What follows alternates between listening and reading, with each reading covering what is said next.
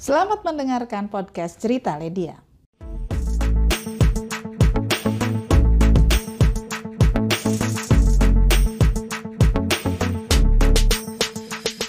Sudah bersama dengan Ibu Ledia Hanifa Amalia, anggota Komisi 10 DPR RI dari fraksi PKS. Selamat malam Ibu Ledia. Selamat malam Mbak Zira, Pak Hendarman apa kabar? Baik, Alhamdulillah Ibu. baik. Sehat, Ibu. Alhamdulillah, Ya. alhamdulillah. Ibu Ledia juga mudah-mudahan sehat selalu ya bersama Amin, dengan keluarga amin, juga. Amin. Hmm. Ya, Ibu Ledia tadi saya sudah berbincang banyak dengan Pak Hendarman latar belakang dengan dikeluarkannya SKB em, para menteri juga untuk penggelaran eh, pembelajaran tatap muka ini. Kalau dari Komisi 10 hari ini sudah ada beberapa wilayah yang memang menggelar PTM seperti Mhm. itu. Bagaimana pantauannya Ibu Ledia? Pertama, kita harus eh, lihat dulu ya bahwa sebenarnya ketika kita bicara soal PTM itu kan dalam SKB-nya keputusannya eh, harus ditetapkan oleh Satgas di daerah tersebut. Kedua, eh, ketika kemudian dipandang bahwa daerah tersebut oleh Satgas tempat ya, bukan oleh pemerintah pusat, sudah bisa mengatasi, maka sebetulnya disilahkan aja buka. Tapi dengan catatan protokol kesehatan yang ketat. Nah, catatan kami misalnya di, ada laporan di Jawa Tengah, ada yang justru yang dibuka SD, bukan yang besar. Meskipun kemudian kekhawatiran kita kalau yang SMP SMA itu kemungkinan besar kan mereka sudah divaksin. Kalau anak-anak SD malah belum kan. Jadi eh, kita juga apa namanya satu sisi harus menghormati keputusannya pemerintah daerah tapi kita juga boleh mengkritisi. Ada daerah yang belum akan membuka karena Iya. mereka mensyaratkan kira-kira 75% siswa itu sudah divaksinasi. Berarti ini kan ada tanggung jawab pemerintah pusatnya. Bisa nggak nyediain vaksinnya buat siswa gitu. Jadi eh, pada dasarnya sebetulnya ketika ketika kita mau melihat keputusan tiap daerah itu berbeda-beda kan diberi kewenangan dari SKB. Nah, itu tinggal bagaimana kemudian Kemdikbud itu melakukan approach ke pemerintah-pemerintah daerah. Apa yang bisa dibantu terlebih dahulu. Kita sebenarnya pernah mengusulkan kayak gini. Kalau udah mulai PTM, PTM itu juga harus clear loh menjelaskannya. PTM tuh nggak nggak berarti masuk sekolah sama kayak sebelum COVID. Karena Iya. kan ada prosentase masuk. Bisa jadi nanti setelah dihitung-hitung ternyata seminggu cuma sekali masuknya. Karena dia juga harus hibrid, dia harus kelas lain juga diatur kan gitu. Gitu kan Pak Hendarman ya. Nah ini yang nggak dijelasin betul, Bu. secara secara terbuka sama eh, Kemdikbud kepada masyarakat. Jadi kan yang pro kontra juga ya kan ak- akan jadi lebih apa kelihatan apa bedanya. Karena padahal sebetulnya ini harus dijelaskan ini adalah upaya untuk men-trigger motivasi aja sebenarnya. Karena juga nggak akan didapat tuh mau apa target eh, learning loss-nya itu bisa teratasi. Enggak sih kalau sekolahnya cuma masuk seminggu sekali gitu kan. Jadi memang eh, kita sendiri juga harus duduk dengan ini. Tolong Hmm. dijelaskan secara terbuka jelas sehingga nanti kemudian orang tua juga paham. Khawatirnya overestimate orang tua juga katanya mau masuk terbuka. Ternyata hari Senin masuk Selasa Rabu Kamis Jumat udah nggak sekolah lagi gitu. Bukan nggak sekolah nggak datang ke sekolah. Nanti overestimate kan. Nah siswa juga kan kita harus jaga mentalnya dong. Udah kepingin ketemu sama teman-teman ternyata cuma sepekan sekali habis itu udahan gitu. Nah Oke, jadi tapi mm-mm, tapi setuju ya Ibu ya dengan penerapan ataupun juga dengan digelarnya PTM ini ya? dengan syarat yang sudah dipenuhi. Kalau syaratnya belum dipenuhi ya nggak setuju kita juga. Harus dipenuhi semua syaratnya gitu. Oke, baik. Iya. Ibu Lady, ada permintaan dari Mendikbudristek untuk DPR memberikan dorongan kepada Pemda yang masih menolak untuk PTM digelar. Bagaimana sejauh ini Komisi 10 pembahasannya dan yang sudah dilakukan upayanya? Pertama, sebenarnya kan yang memberi kewenangan untuk menentukan masuk enggaknya itu kan dari Kemdikbudristek sendiri kan, Iya, dari. SKB-nya.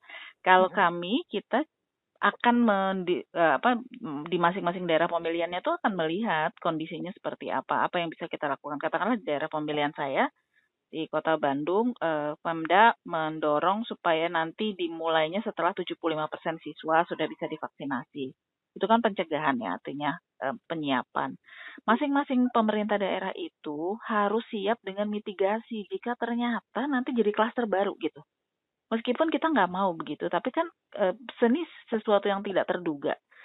Eh, kit- harus ada mitigasinya. Salah satu yang kita sebenarnya sudah sampaikan ke Mas Menteri itu, kan eh, ketika kemudian hadir kan tetap ada harus ada proses screening. Nah, ketika bicara soal proses screening, bisa dong harusnya pakai yang tidak membuat trauma kepada anak-anak, apalagi anak SD ya kalau di harus di swab gitu kan, waduh luar biasa dan sekolah juga nggak akan sanggup sih biayanya Hmm. ketika kemudian. Padahal kan ada yang sudah produksi dalam negeri misalnya genos gitu. Kenapa nggak dipakai Mhm. tinggal niup anak-anak SD juga bisa lah kalau niup Iya. aja mah gitu kan. Mm-mm.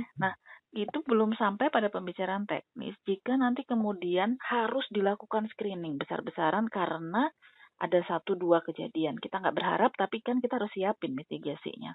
Nah jadi eh, pemerintah daerah juga berhitung itu sehingga ketika kita beberapa teman sudah mulai mengajak ngobrol pemerintah daerahnya eh, ada yang bilang udahlah di sini nggak ada covid katanya gitu kan mereka udah mulai karena betul-betul nggak punya eh, ge- apa gawai anak-anak juga susah Mhm. sinyal susah itu sudah Ya. mulai beberapa dan bahkan sejak awal tapi ada yang memang eh, betul-betul dikhawatirkan karena misalnya yang daerah metropolis ya seperti Jakarta Jawa eh, Bandung Bogor Depok itu kan Jabotabek lah ya Jabotabek itu kan Mhm. mobilitas orang tuh sangat tinggi itu yang kemudian perlu eh, mereka akan sangat berhati-hati makanya mau cari mau ngejar herd immunity itu satu hal yang wajar gitu ke mereka Hmm. antisipasi. Tapi kita Oke. kita men- mendorong tetapi Mm-mm. dengan segala kehati-hatian sambil Kemdikbud tuh harus juga punya punya jalan keluar kalau harus mitigasi mitigasi Ya. kasus-kasus itu gitu. Oke, baik. Ini memang harus saling support ya. Masukan Ya, dari betul. eh, Ibu Ledia tadi juga dari Komisi 10 untuk Kemendikbud. Bu Ledia masih bersama dengan kami. Ibu, nanti akankah eh, dilakukan kajian atau evaluasi berjangka oleh Komisi 10 dengan eh, pembelajaran tatap muka yang sudah mulai dilakukan di beberapa wilayah hari ini? Jadi kita bahkan sudah sejak sebelumnya Mbak Zira. Jadi uh, Mhm. kami juga mendapat laporan sebelumnya karena apa akhirnya ada be- beberapa daerah yang mulai sebelum apa sebelum PPKM itu sudah mulai sekolah tapi nggak pakai seragam gitu. Karena kan sebenarnya belum di wilayahnya belum boleh. Cuma ke akhirnya Ya. kemudian kami merasa kalau umpet-umpetan begitu kita nggak bisa tracing kalau ada apa-apa kan. Mendingan Benar. secara terus terang aja. Nah, kalau begitu jadi ketahuan. Kedua, memang gini, eh, karena rasa jenuh itu sering kali membuat orang eh, eh, apa ya lalai gitu dalam pengambilan keputusan. Mhm. Termasuk juga orang tua. Aduh, udah keburu kesel nih nemenin anak-anak nggak bisa, susah. Ya. Nggak udah nggak mau, udah di sekolah aja gitu. Itu kan Mhm. eh, lalai sebenarnya, lalai dalam melakukan Mhm. screening be- beberapa hal. Dan ke- ketiga, memang eh, yang ini hampir tidak dibicarakan. Guru bimbingan konseling di sekolah atau psikolog sekolah itu harus siap standby. Kenapa? Karena kan anak udah euforia pengen ketemu teman, udah peng, Mhm. udah kangen sama ibu guru. Ternyata Mhm. kemudian dia mendapati hal-hal yang dia bayangkan tuh ternyata tidak bisa dia lakukan. Terutama kelas-kelas SD ya. SMP mungkin kita masih bisa ngajak ada peer groupnya lah ya. Tapi Mhm. ini kan juga harus diantisipasi sama sekolah kondisi mental anak-anak ya.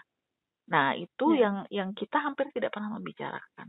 Semuanya sebenarnya udah kangen gitu. Bisa dipahami, semua udah kangen. Orang tua Ya. udah pengen nyekolahin anak, anak udah pengen Kita yang nggak sekolah juga kangen kok ngelihat anak-anak sekolah ada di jalanan ya. Iya, benar. Berangkat kerja, lihat anak-anak sekolah gitu ya. iya iya iya benar itu itu memang buat mereka juga jadi apa namanya seneng gitu dan gini kalau Iya. kita masih lihat ada anak sekolah di pagi-pagi oh berarti kita belum telat datang pergi ke tempat kerja kan gitu karena anak-anak sekolah lebih kan? pagi iya emang Iya, jadi iya. gitu mbak Zira kadang-kadang Mm-mm. kita melupakan aspek psikisnya em, Ya.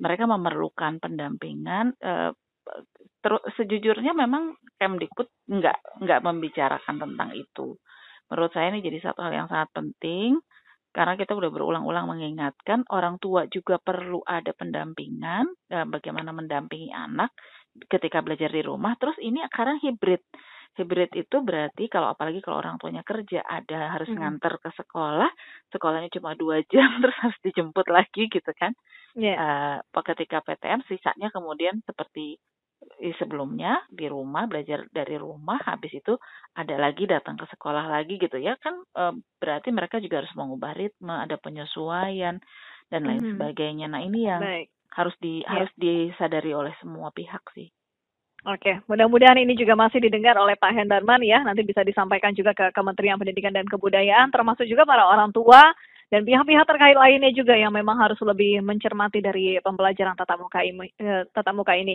Ibu Ledia terima kasih sudah Iya, bersama dengan kami malam ini. Iya. Selamat beristirahat Ibu Ledia. Selamat malam. Malam. Waalaikumsalam warahmatullahi wabarakatuh. Waalaikumsalam warahmatullahi wabarakatuh.